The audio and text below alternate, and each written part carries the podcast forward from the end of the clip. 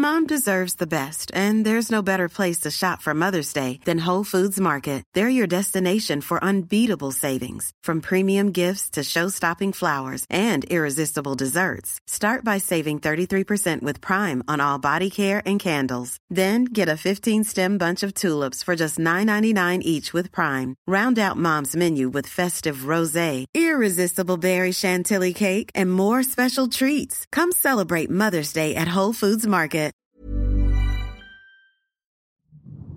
Men nu, nu rullar vi. Nu skulle vi egentligen ha poddat lite här uppe eh, på, på däck. Men det, kan, det kan vi väl göra? Vi får köra på en mick då eftersom puffskyddet till den andra micken blåste i eh, vattnet. Ja, men när, när hände det? Jag, jag, jag, jag kan känna, lite som alltid när man är på sjön så här, att man direkt känner sig lite på, som på minus som landkrabba. Att jag, jag tänker att det är nog mitt fel. Ja, det behöver det inte vara. Alltså jag är också landkrabba så att det, ja, det är väl liksom mitt fel också i så fall, tänker jag. Men det är ändå din båt. Jo, det är väl kanske det att jag skulle... Alltså jag har ju ändå ansvaret för att köra båten. Jag tänkte så här att ett litet puffskydd kan väl han klara av. Det kunde jag inte. Jag var skitnervös när vi skulle tanka för då var det en, en, eh, liten bensinstation här vid Pampas Marina och eh, då skulle jag vara Hoppilandkalle och där såg jag framför mig så många olika grejer som skulle kunna gå fel. Men sen var han så, han såg att vi var landkrabbor. Vi, vi trodde ju, vi trodde att, vi var, att vi utstrålade väldigt mycket skärgård och sjöliv. Ah, alltså grejen är att jag, jag, jag försöker ju alltid vara så transparent jag kan jämfört, jämfört med, alltså, i förhållande till sådana här brygggubbar. Liksom. Så att jag säger bara så här, du vi behöver hjälp och jag, jag kan ingenting. Och så jag lägger mig platt, jag lägger mig på ryggen hela tiden. Men alltså jag vet att när jag kommer åka, när jag kommer liksom till sjöss med min Lucien Bleu-tröja från Bretagne och min eh, Stetsonmössa och skägget och den här silver. Du vet, jag, ser lite, jag ser så jävla mycket sjö. Jag, jag skulle, de, någon skulle kunna anförtro mig en, en, liksom galeas utan problem. Du, du, kör, du kan köra den här till Dover va? Det är inte så många gator i varje stad som lyser om natten. Det är inte så många gator i stad som lyser om natten. Det är inte så många gator i varje stad som lyser om natten. Men en kicker som du kan väl bygga en annan väg om du får en linjalteckning av mig.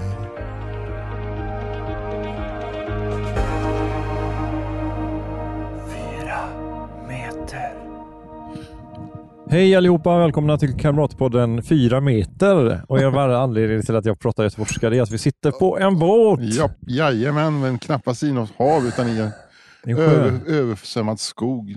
Mälaren. så. Mälaren. Det är känt från Barna Hedenhös va? Ja. Det är ju, eh, de startar i Stockholm där i den boken där de, de flyr ju från vildsvin va? Och sen eh, kommer de till en holme som de kallar Stockholmen. Och det är ju då grunden till det moderna Stockholm. Och han hänger upp eh, på sitt stockhus hänger han upp då tre älgkronor. Och det är liksom en, en, en blinkning till slottet Tre Kronor som brann vilket år Anders? 1692. 97 tror jag. Fan också. Ja, Så- men jag var men inte helt... skitlar jag i vad, Ja, vad, som hände i Stockholm du, är inte känd 1697. som, du är inte känd som en faktakille direkt. Nej, du, Du känns som att du mer, att du mer har feeling. känn, känn på den här. 1692 före Kristus. Känn på den. Så, så mycket Ja. skiter jag i när det där gamla det där fortet brann. Stockhuset, stockhuset på Stockholmen. Fan fanns ens Göteborg 1697? Eh, bra fråga, det grund, men det grundades väl av, av, ändå av eh, Gust- den andra Adolf? va? Så att, det- Så det, så- ja, var jag. stretchar man det så 1632, senare så kan det inte ha. Nej. Det, han kan ha grundat till 1632. Men sen fanns det ju då eh, flera versioner av, av Göteborg innan också. Alltså typ eh, Lilla Göteborg. Nej, men så Älvsborg och, Ja, ja. och Lödöse och massa sådana. Ja, Men men det finns ju då faktiskt, om man är glad i Göteborg, så, så har, har vi gjort ett avsnitt av Allt vi velat veta om just Göteborg. det vet man inte. Men det fanns faktiskt folk i Göteborgstrakten även före 1600-talet. Det fanns faktiskt folk i, Göteborg innan Sten-Åke Cederhök. men eh, nej, men så här för full då, eh, full, full eh, Transparens. transparens så sitter vi i faktiskt i min båt. Ja, Eller min och Idas båt. Vi, Ja. Förra sommaren så, vi, vi flyttade till Gröndal för tre år sedan och Gröndal för er som inte kan Stockholm, det ligger då vid Mälaren, eh, ganska nära Södermalm, men det är liksom utanför tullarna, men ganska en närförort kan man säga. det måste man verkligen säga. Ja. Och då, Jag många, alltså postnumret i Gröndal är en, är en 11. Mm. Eh, en 111 menar jag, 111. Ja, 117. Förlåt. Mm. Eller men det är kanske 111 Det, är- också. det är en 11, för jag bor i en 12. Just det. Eh, Mm. Men eh, alla 11 är ju innerstads Mm. postnummer.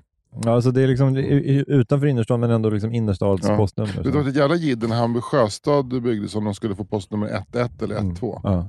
Vad fick Eh, de? 11. Okej, så så det, att, eh, ja. Men det- Hammarby Sjöstad har alltid liksom betraktat sig själva som, liksom, som en del av Söder, känns det som. Att det Ja. har liksom, på något konstigt sätt. Ja. Det borde ju bara liksom, egentligen vara en del av typ Hammarby, Hammarbyhöjden. Huddinge borde vara en del av. ja, men Nacka, det ligger det är riktigt illa, jävligt nära Nacka alltså. Ja, fy fan. Det där, det, Ja. då blir man lite nervös. Så, så, här, Ja. så här, älskling, har vi kollat liksom, riktigt Ja. noga nu? Bor vi verkligen i Stockholm eller bor vi i Nacka? Ja. Det, ju, kan ju bara... Fast för, för, för Hammarby sjöstadsborna så är väl det det bästa av två världar. Mm. Eller ska man säga? Det är liksom som att välja mellan hägg och syren. Men alltså för en Hammarby Sjöstadsbo, alltså, de skulle inte bry sig om de bodde i Nacka. Nej, det är det jag menar. De, Mm. För de är så här, Södermalm eller, eller Nacka, det spelar ena ingen roll. det spelar ingen det är det bästa av två världar. Ja. Världar. Eh, Eh, bara, men, men Känd, ja, kändisspotting i Nacka då. Eh, förra helgen var jag på handbollscup med Bosse Mm. och då eh, var det i Nacka Sportcentrum eh, som ligger ganska nära Nacka Forum där. Och då eh, eh, är det en handbollsförälder där, eh, Annie Lööf. Nacka-kompatibel va? Vid grillen, grillandes hamburgare. André Pops. jävlar. Ja, han står och grillar burgare där. alltså. Interagerade And, A- Annie Lööf och André Pops? Eh, det, det övergår mitt, inte mitt men det förstånd, var André men mitt som, intellekt. det var André, gammal est. Pops? Ja, Ja, det, han, ja det kan nog stämma. Mm. Men, men äh, interagerade, han, var det han som grillade? ja, han grillar Vad gjorde Annie då, förutom att han var förälder? Nej, men hon var bara där och tittade på sin dotter Ja. eller son. Spela defense, spela precis. Ni måste ha ett entreprenöriellt tänkande. Du måste ha ett entreprenöriellt tänkande. tänkande kring hur Tjäna ni spelar i igen, tjäna handboll. igen. Kan inte judo få spela lite mer? Ja, tjäna igen. Jag skulle vilja citera Ayn Ayn Rand. Men eh, vad heter det? Ja, Andra det- laget, ni är gövar allihopa. Ja. Det blev lite lyteskomik nu. Ja, det var skönt att vi ändå kom in du hittade Ja. vår Annie Lööf. Skämtet byggde lite Ja. grann på att hon inte kan säga R va? Men det känns som att den som skulle kunna skrika domaren är en fitta, Mm. det är snarare Annie Lööf än André Pops. Ja, men jag tänker att jag tänker väl kanske att ingen av dem är, är liksom go-to guy när det gäller domaren fitta, eller? Nej, men Annie Lööf lär ju ligga närmare. Är det så? Ja, hon är, jag tror hon är en större vinnarskalle än André Mm, Pops. ja. ja, André Pops är en jätte... Han, Är han? är ju så här... Har du sett hans, liksom, hans så här, hur han tränar? Nej. Han är ju helt besatt av att ha liksom, så här, sixpack och liksom... Ja. Ja, han har ju bara... Han, alltid när han är på tv så har han ju bara, bara en, liksom en så. Han har liksom ingen t-shirt under som, som formar kroppen, utan han bara lammullströjan. Liksom. Det är så sorgligt med sådana personer som André Pops, som hur mycket de än tränar och, och har biffig kropp så ser de bara snälla äppelkindade ut. Ja, men han ser ju snäll ut, men han, är ju, han känns ju som en den här folkrörelse-bodybuilder snarare än den här, äh, så här knarkiga bodybuildern. Ja, ja verkligen. verkligen. Alltså, Han, han, han är ju liksom mer Arne Tammer än, än någon sån här, vad heter han, golden, Whi- white golden one. Vad heter han? ja, the golden one. golden one. Wallen, Vallentunas eh, starkaste nazist. The golden one. Va- Vallentunas Hitler. Men... Eh, Vallentunas Conan. Men, men, eh, men eh, det, det betyder inte att han har vinnarskalle. Det betyder att han är manlig, äh, manlig anorexi snarare. ja, kanske då. Kanske då. För, ja. att, för det finns en annan sportprofil som jag... Ortorexi. Ja, skitsamma. Ja. Mm. Vad heter det? Or- Ortorexi, det är väl när man tränar. Okej.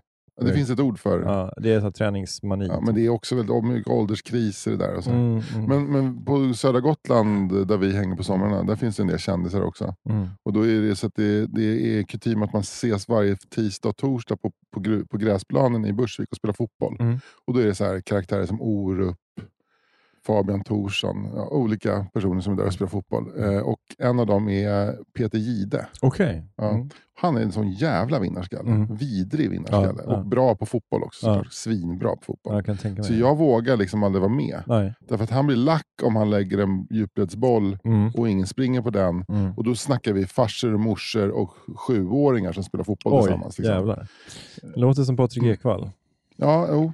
På, honom har jag dock inte sett in action där. Jag vet inte om han är på Gotland. Nej, men jag spelade med kändislaget en gång. Jag fick hoppa in. Mm. Det var en sån här välgörenhetsmatch. Jag Mm. berättat för, till förmån för jordbävningar i Kurdistan. Mm. Men då var det typ så här Öss och Mårten Andersson och Soran och lite komiker. Och, och Måns Möller var konferencier tror jag. Och sen så var det lite massa fotbollsspelare och så var det lite kändisar. Patrik Ekwall var med. Mm. Men han var ju absolut den mesta vinnarskallen. Ja. Det, det, det är tråkigt för han utstrålar det direkt. Ja, alltså jag ska säga att han var, en- han var inte supertrevlig. Ja, Alltså, han var inte så här, han, var inte, han var inte direkt otrevlig heller, men alla var väldigt så här, stöttande. Utom Mm. Patrik Ekwall. Han, liksom, han sa ingenting. typ. Var du inte så bra eller? Nej, men jag var målvakt, så jag var, hade ju en ganska utsatt position. Ja. Ja. det var väl någon, något mål som var mitt, men, men jag var, gjorde en del bra räddningar också. Ja, Ja, du har ändå lite boll i kroppen. det liksom. tycker jag. Så Ja. det, var, det var helt okej. liksom. Alltså, så jag skäms inte för min insats. Liksom. Fan, det är tråkigt ändå att en person som Patrik Ekwall är så förutsägbar. Så att det är klart, han, det ser man på långt håll att han är, Ja. att han är en jävla vinnarskalle. Och en, nu, har Patrik, nu, nu är det så svårt att prata skit om Patrik Ekwall som han har liksom förlorat sin fru i cancer och sådär. Men, Men låt oss ändå lite... ja, men låt oss hända. Men det hade varit roligare om det var typ så här, Mattias Alkberg var en sån Ja. dryg vinnarskalle. Ja, när poesilaget ska spela. Men det var roligt för att Mattias Alkberg var i P1 söndagsintervju. Eh, nu i söndags tror jag. Ja. Och, och Ida har ingen, ingen relation till Mattias Alkberg. Nej. Men eh, så sa ja, var det Mattias Alkberg nu? Jag, jag kom upp och så, så, så var hon, lyssnade hon då så här. Ja, men han verkar, han verkar ing- inget kul. hon. Och jag bara, så, men vänta nu, jag tror inte du har förstått Mattias Alkberg här. Alltså det, är- jag lyssnade inte på intervjun, men hon, hon fick liksom så en, ja men han kanske framstår som så här norrbottniskt så här tradig och lite så här gnälligt så här antikapitalistisk och så. ja. Och kanske lite sävlig. Jag tror att han är just lite, jag tror att han, jag, utan någon information, så tror jag att han är liksom, för honom är glaset alltid halvtomt. Mm, ja. Men det var som när jag lyssnade på eh, senaste värvet, eller näst senaste med Plura. Mm. Då fick jag också en känsla, fan vilken jävla tradröv Plura verkar vara. Mm. Alltså, att, alltså, att han har lyckats dupera liksom hela Sverige med att han är en god gubbe med, med mage som lagar mat. Men fruktansvärt tråkig eh, alltså, person framstod han som i intervjun. Ja. Jag, bara, jag tyckte synd om Triumf. Alltså. Det är väl inte så konstigt om Plura är deppig med tanke på liksom hur kort, alltså på något sätt så här, han har förval, förvaltat sitt pund så pissigt. Alltså det är klart pengar har han ju. Ja. Men han, han har ju som en, en sämre fysisk status än GW Persson. Liksom. Mm, mm.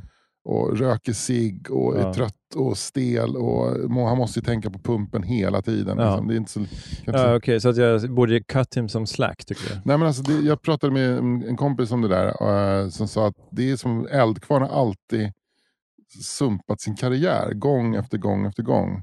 För att de är sådana gnällspikar. Mm. Eh, de, de hade ju liksom en, de hade ju en enorm eh, hit i början på en- 80-talet med Pojkar, pojkar, pojkar. 1982 kanske. Och sen försvann de helt och hållet. Så jag kommer ihåg att jag var på en konsert, kanske 87, på, eh, i Solna som heter Gräsrocken som var en gratisfestival för mest punkband. Och vi Mm. hade gått dit för att se ett punkband som hette The Joints. Och då som förband till dem så kliver Eldkvarn upp Ja. på trätrallen där liksom och kör en låt. Ingen bryr sig. Nej. Året därpå kommer Kungarna från Broadway och Ja. du vet, de säljer ut allt. Och sen så dippar de igen ner på 90-talet, Mm. så bortglömda. Och sen så, så är det någon, någon producent som, som för, förbarmar sig över dem. Ja. Och så upp igen i solen och sen så ner, bam. Och sen så 2008 så jobbar de med någon som heter Jari Happalainen. Och får en superhit igen och sen så bara ner. Det är som att de, Mm. de dras till de dras till gölen. Liksom. Men är det så enkelt så att de, de speciellt Plura då, har varit för hård på sponken och så här, i perioder och så? Ja, jag tror att det har varit en del både Du tror att det var det ena och det andra? Både bullar och sockret på bullen. Ja, just det. Mm. Och det vet vi väl för att han är väl till och med Dömd. dömd va? Ja. Dömd, men är han förlåten? Ska det här avsnittet heta Kan vi förlåta Plura? Så här, En SVT-dokumentär. För jag, kommer ihåg, eh, jag kommer ihåg en gång så, när jag jobbade på ett ställe så, så satt jag på satt en redaktion. Petra Mede show var det. Mm.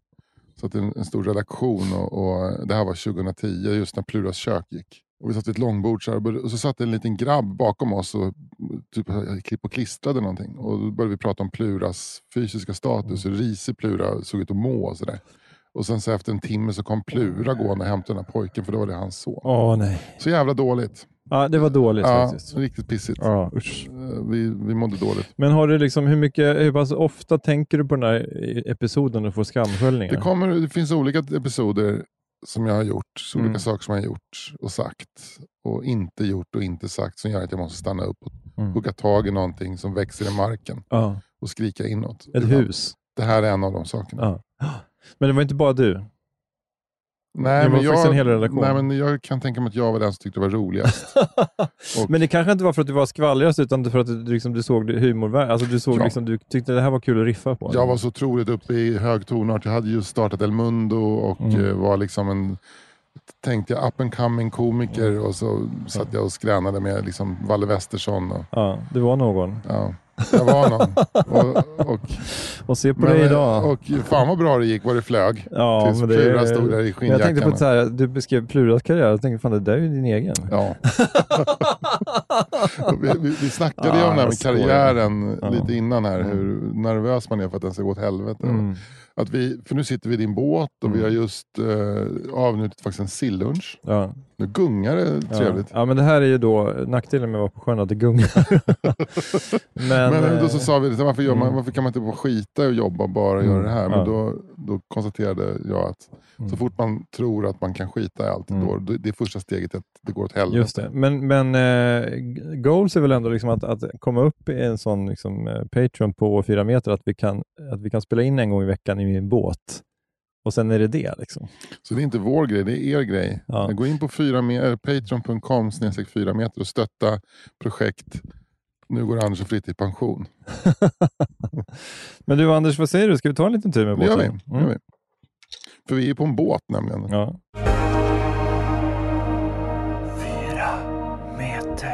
Nu sitter vi nere i, eh, vad, är, vad, är den, vad är den korrekta termen för det här rumsligheten vi befinner oss i? ja, men det här, den här båttypen kallas för hardtop. Så vi är nere under hardtoppen nu? Ja, jag vet inte, men i kabyss finns väl något som heter, men... Eh, Cockpit? ja. Eh, i, nere i själva båtanus. Ja, båtens anus. Ja, Båtens anus är väl längst bak va? Ja, det får man nog säga. Det är väl själva eh, utsuget. Utsuget. Men, eh, men du, vad, hur, hur, hur känner du liksom att se, när du ser Stockholm från det här hållet? Jag, jag är väldigt bra. Alltså jag, jag, Ja. jag känner nästan att om man skulle bjuda in, bjuda in en delegation från utlandet och visa dem Stockholm Ja, så kan man börja med att sätta dem i en båt och köra dem till Pampas Marina. ja. Eller ta ett varv. eller hur? Jag tycker att det är jättefint. Jag, men jag älskar ju Stockholm. Men jag tänkte på det när vi började på den här podden så började vi skämta om Göteborg. Ja, Bara för att vi var i sjön. Och det som Stockholm har, som nästan ingen annan sjöstad har, är att Stockholm är en sjöstad vid en insjö. Mm. Medan de andra är sjöstäder vid havet. Och de, alltså, eh, eh, som till exempel Göteborg då. Kallt så inåt helvete är det ju. Lissabon, kalla vindar som ligger. Ja. på. Eh, sådär. Men, men Stockholm är liksom ändå ganska så här, vädermässigt snällt vilket gör att en, en jävligt smörig eh, arki, eh, arkipelagisk stad. ja, ja, ja. Är du med? Precis. Men, eh, men, Nordens det, Venedig brukar man ju säga. men det kinga är ju, ja men Venedig är ju spännande för att det ligger liksom i en lagun. Det är väldigt skyddat. Ja, ja. Det kan ju blåsa i Venedig ändå, men, men det, är ju, eh, det är ju väldigt så här, det finns ju en slags stiltje där inne i lagunen. Ja, ja, verkligen. Men, eh, men det coola med Stockholm är väl också att det ligger både vid en insjö men också vid havet, tänker jag. Alltså, eller Ja. innanhav. Det låser, det är, Mälarlåset kallas det för. Ja. Ja, man kan säga så här, in, man kan säga så här innanhavet av ett innanhav kan man säga. Östersjön är ett innanhav. Ja, Och sen så är det liksom Saltsjön är ju då innanhav till innanhav. ja, Vad är det? Ett Dubbel, dubbelt innanhav? precis. Eh, eh, precis. Blir det ett ytterhav då? Eller Är Saltsjön en innanhav eller är inte det en vik bara? en vik kanske? Men det ligger inbäddat av väldigt fet jävla liksom skärgårdsbuffert. Ja. Du har ju så, det är ju liksom, och du kommer ut på öarna längst ut, så här, vad de heter, trekvarts och allt vad de fan de heter. Vad heter öarna? Utö och sånt där. Det är Ja. ju fortfarande vinter där ute. Ja, säkert. Där går fortfarande barnen i, liksom, i Terulén-overaller. här inne så går de runt i trekvartsbyxor och käkar glass. Ja, precis. Var roligt att det var ett barn som gick omkring i trekvartsbyxor och skö- hade liksom skött en sjömack. Ja men den där, han som skötte den här sjömackan, han gjorde ju det när han var barn. För det där är det han har gjort i sitt liv. Började jobba när han var tre. Ja. vek in båtar och fyllde dem med bensin. Ja. Blyad bensin. Ja. men det är, jag tycker det är jättefint. Jag, jag tycker det är fantastiskt. Stockholm är en helt jävla fantastisk stad. Helt jävla fucking Nu fantastiskt. åker vi under Essingeleden, en av Stockholms kallare broar. Ja, den är kall. Ja. Sa jag att Liljonsbron, eller att Skanstullsbron var kall? Ja, Att den är att den var kall på något kall sätt. faktiskt. Jag vet inte vad det är med den. Kyl. Jag tycker, jag tycker för ingenting runt Skanstullsbron känns mysigt. Nej, Inte ens liksom den här Malmgården som ligger där vid Hammarby nej. känns mysig. Med Jag väderkvarnen vet inte om det är för många olika. Det är som, runt Skanstullsbron så är det så många olika byggnadsstilar och tidsepoker. Det är som ett jävla gytter av byggnader där. Mm. Vissa är schyssta som Folksamhuset så här. Ja. Men sen White Arkitekter och liksom Ja. det.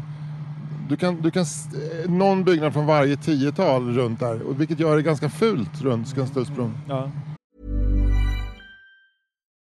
Life is full of what ifs. Some awesome, like what if AI could fold your laundry? And some, well, less awesome, like what if you have unexpected medical costs? United Healthcare can help get you covered with Health Protector Guard fixed indemnity insurance plans. They supplement your primary plan to help you manage out of pocket costs. No deductibles, no enrollment periods, and especially no more what ifs. Visit uh1.com to find the Health Protector Guard plan for you. Since 2013, Bombas has donated over 100 million socks, underwear, and t shirts to those facing homelessness. If we counted those on air, this ad would last over 1,157 days. But if we counted the time it takes to make a donation possible, it would take just a few clicks. Because every time you make a purchase, Bombas donates an item to someone who needs it. Go to bombas.com slash ACAST and use code ACAST for 20% off your first purchase. That's bombas.com slash ACAST, code ACAST.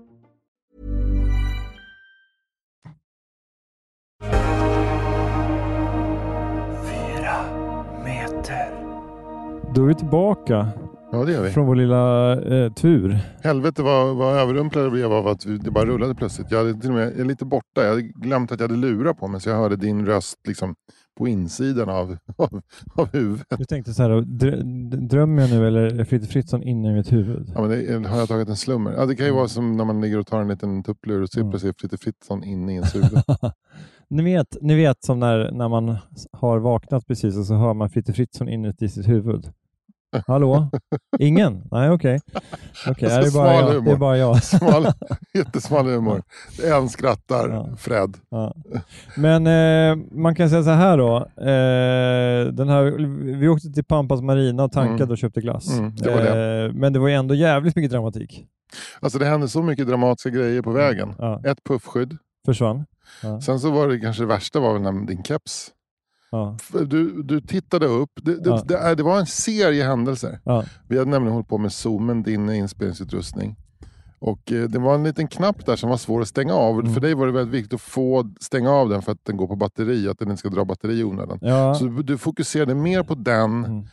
Än på själva sjöfarten så att säga. Och då kommer en stor sån där yrkesbåt, yrkes, eller fordon, vad heter det? Yrkesfordon, båt. ja, ett lastfartyg. Lastfartyg. jag, jag, jag är så chockad att jag ett- ett tappar proffs- terminologi. Ett proffsskepp. Eh, En som jobbar med Ja. det båt. mm. I En Giselle. hög fart. En gesellskuta. Nej, det var en eh, prom. Det var en, ja, det var en eh, lastbåt. stor last, stort lastfartyg. Ja, säkert fulltankad med någon jävla, du vet såhär, s- eh, de håller på att spränga för tunnelbanan borta vid, Mm. eh, vid eh, Årstaberg där. Just det. Ja. Eller vid Årsta vid Skanstull. Mm. Det är fyllnadsmassa därifrån som de kör ut och dumpar i Kungshatt. Ja. Eller någonting. Eh, och eh, det, var det, det var den var på väg mot oss och eh, det var kollisionskurs. ja, det var det. Och eh, som tur var så tittade jag upp och kunde skrika Fritte, Mm. för helvete. Varpå du fick försiktigt lägga från det zoomen Ja. och sen så sätta full gas framåt och Mm. Med en hårspån missade vi en enorm kollision. Styrde bort från Men det är också lite så här uh, kaxigt av han. Jag utgår från att det var en han. Han, bara, han bara körde på liksom. Han tänkte inte så här, jag behöver inte, jag behöver inte Men han kanske också höll på att pilla med något tekniskt med sin Ah, mobiltelefon. Jesus, ja. Men vad hände då? Jo, då blåste din mössa av. ja, jag hade ju keps, men jag hade ändå spänt den på det hårdaste. Ja, jag såg faktiskt när du tog av den och spände om den. Eh, kunnigt. Men tydligen så eh, ska man ha så här, eh, ska man ha någon mössa till sjöss, då ska man ju ha någon slags band som man kan knyta den under hakan.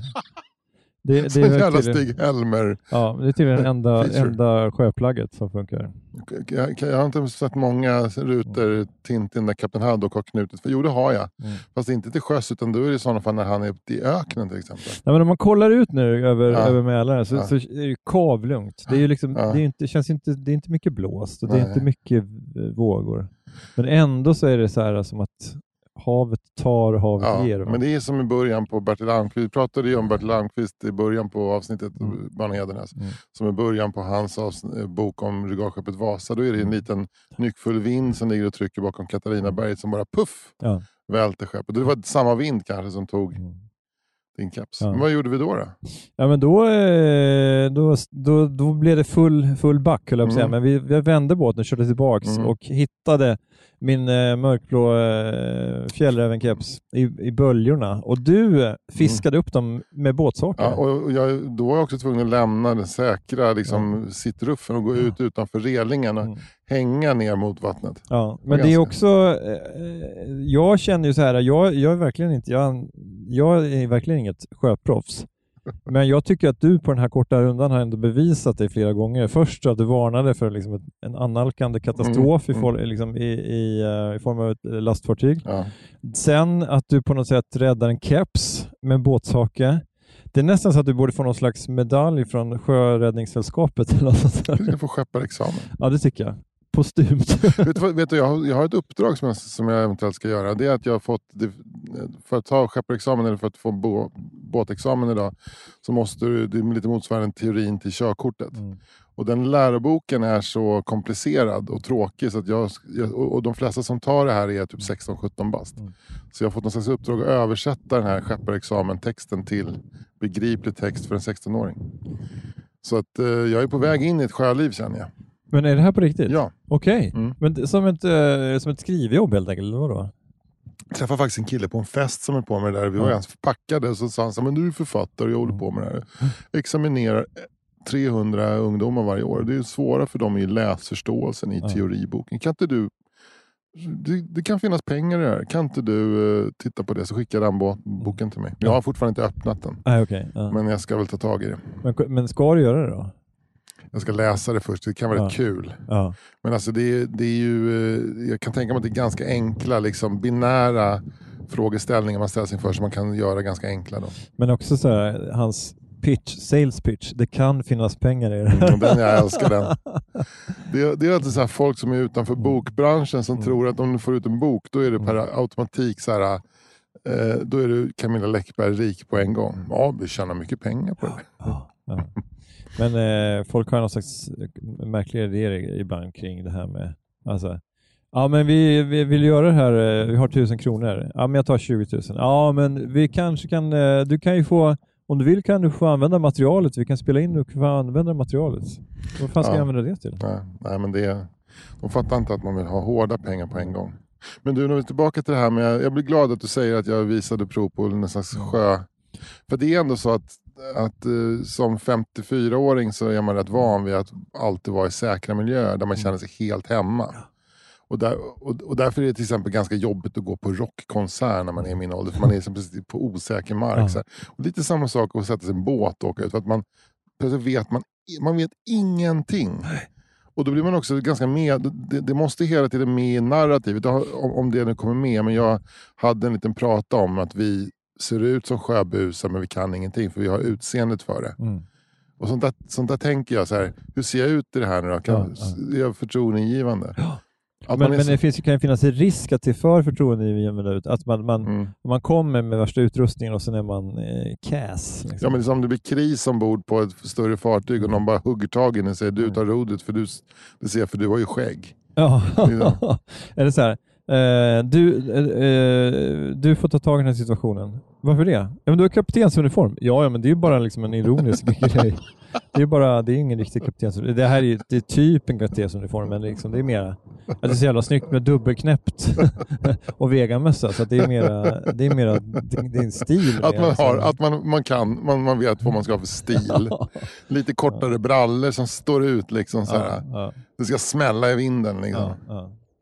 Men, men jag, på så sätt jag tycker det kanske det är rätt nyttigt att liksom kasta sig in i situationer som man inte Mm. riktigt kan eller som man inte känner sig bekväm i. Ja, men det, det är det är intressant. ödmjukande. Ja, men det är faktiskt bra. För det, det är nog eh, det är en bra motivation kring varför man har båt. För att, för att man gör någonting som man inte kan. Men du har ju också visat prov på viss sjökoll. Alltså du, bara tilläggningen här vid bryggan i Gröndal var ju snygg. Ja, men det blev bra. Men det är ju Ja. liksom... Eh, Mycket träning ligger bakom. Ja, men förra sommaren så var det ju, det, det var kan jag säga det var en del det var en del meck kring att lägga Mm. till kan jag säga. Mm. Då hade vi också en sämre plats för då hade vi så två jättelånga båtar på bägge sidorna om, Mm. oss. Så var tvungen att gå precis Ja, rakt då, in. så nu, kan man, nu kan man winga det lite mer. Ja, ja. Men eh, det var ganska lugn sjö också. Det var, eh, det var inte så mycket blåst. Eh, så. Men precis, så om du, om du, om du börjar liksom slå riktigt ordentligt Mm. då Ja, då vet jag inte Ja. vad man gör. Ligger kvar ute. Ja, precis. Kastar Barn, anker. barnen börjar gråta. Men det var ju förra sommaren var ju så att vi fick motorstopp ute, ute mitt i Mälaren. Och då, fick Ja. vi, då hade jag inte lärt mig Ja, men det är typ choke, fast det är, något, det, är ing, det är ingen choke på den här båten. Det är väl någon sån här jog trottle, eh, alltså typ att man trottlar. Det är väl typ att man ger gas utan att och, och lägga in växel. Man pumpar in lite extra soppa. Ja, men lite så. Jag hade inte fattat den där funktionen. Så att jag vi, vet, man startar och... Det var, förra sommaren då var den så här trögstartad, men nu har de fixat motorn så jag tror att den är bättre nu. Mm. För nu startar den utan, och, liksom, utan någon gas. Eller utan så. Men den här situationen, hur löste sig den? Ja, men då ringde vi till sjöräddningen. Eller kom- inte sjö, sjörädd, något, sjö, Sjöräddningssällskapet. Alltså det är så, så här, Ja. man betalar in för att...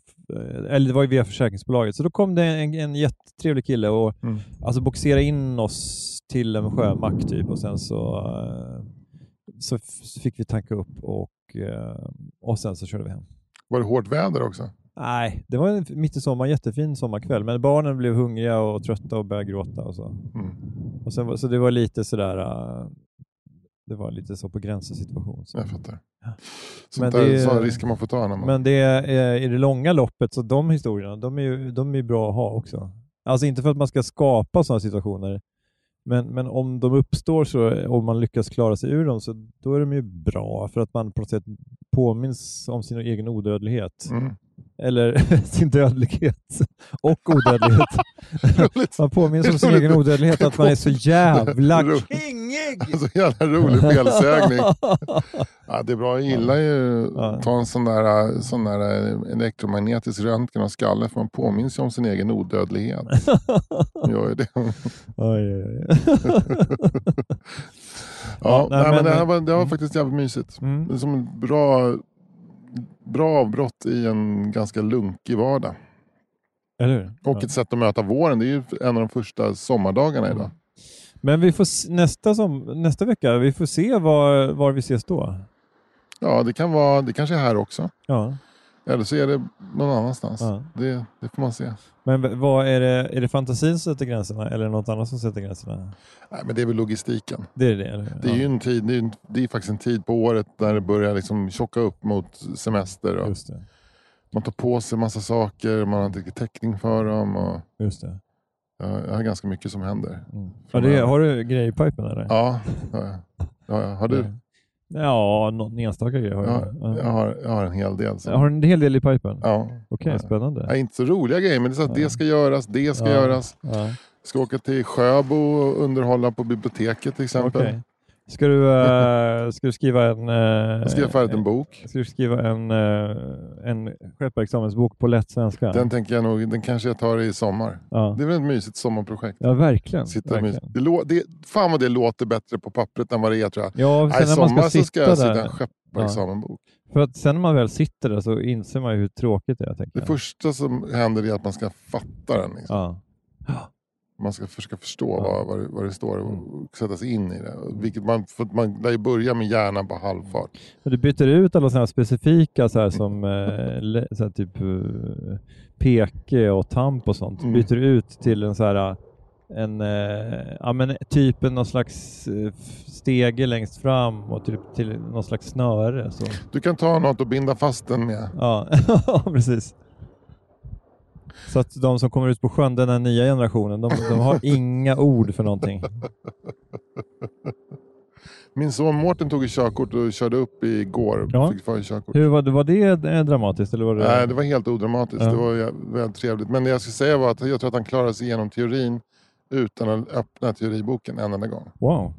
Genom, genom bara att göra teoriprovet gång efter gång på Mm. nätet. Ja. Tills han kunde det. Liksom. Men, eh, Men då var det vari variationer på de frågorna som kom då? ja, exakt. Ja, Jaha, då är det så. Ja. Då är det så liksom. ja det. Så att, eh, ja. Smart kille. Mm. Men det var gulligt. Han, eh, han, sen så tog han och lånade bilen och åkte till Brandbergen och hämtade Stella som jobbar i skolan där. Ja. Hämtade henne på jobbet. Gud vad gulligt. Ja, och då stod hon- alla elever- om det?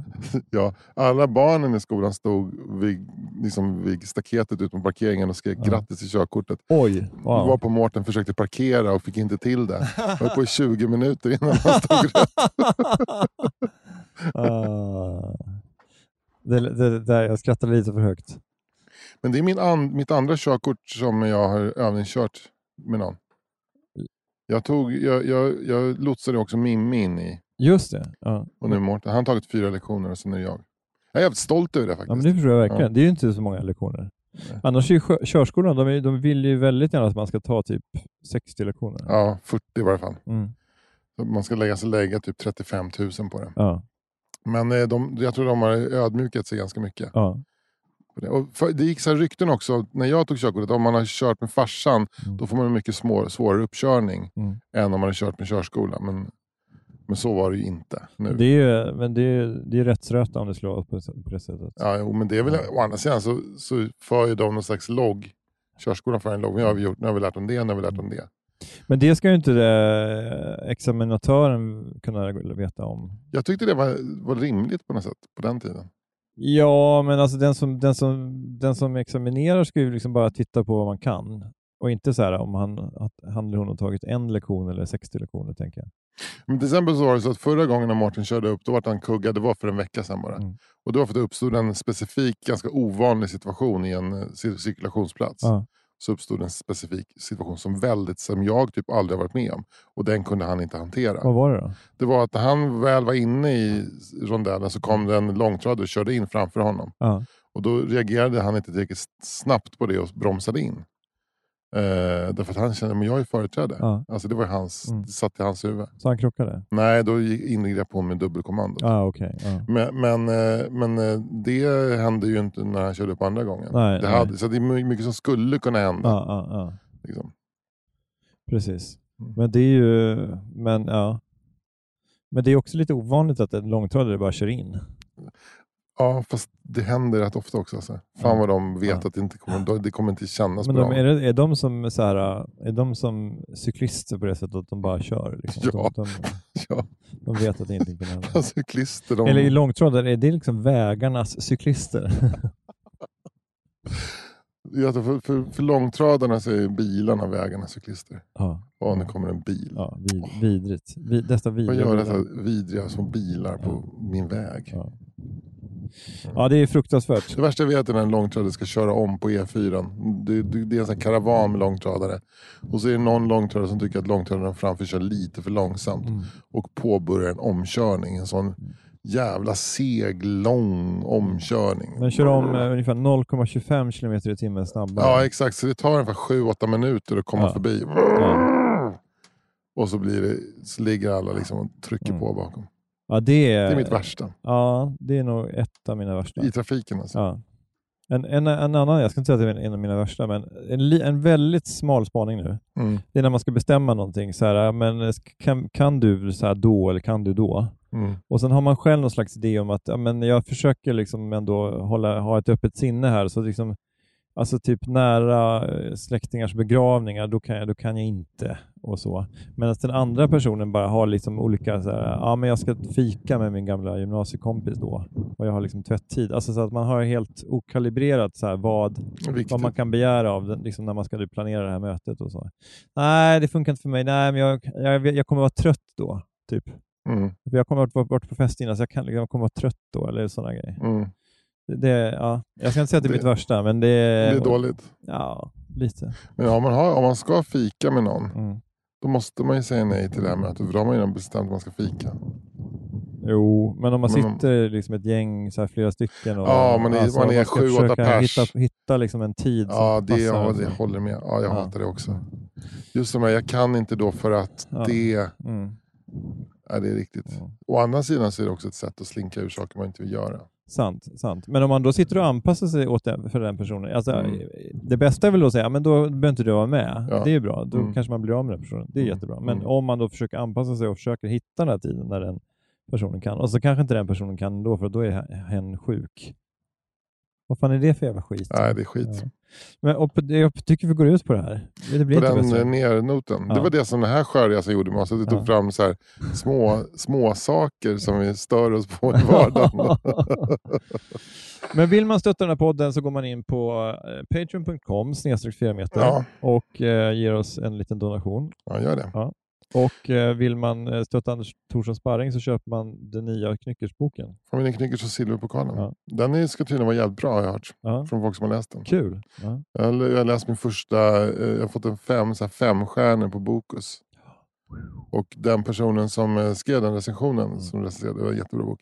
Jag önskar så att det skulle komma en film också. Och det gör det. Till hösten så kommer en film med familjen Knyckers och Snutjakten. Wow! På bio. En biofilm? Ja, Fan, du, biofilm. Jag kommer att sitta där med Ja, pop- popcorn. det är en och en halv timmes biounderhållning. Mm. Helt otroligt. Mm. Men du, eh, vad jag ser fram emot detta? Du, jag, jag med kan jag säga. Det ska Ja. bli jävligt kul. Ja. Men du, fan, då gick vi ut på, eh, det var, blev ett durackord till slut. Vi gick alltså. ut på ett durackord och Yes. tack för skörresan Fritte. Du, tack själv. Tack. Hej då! Hej då!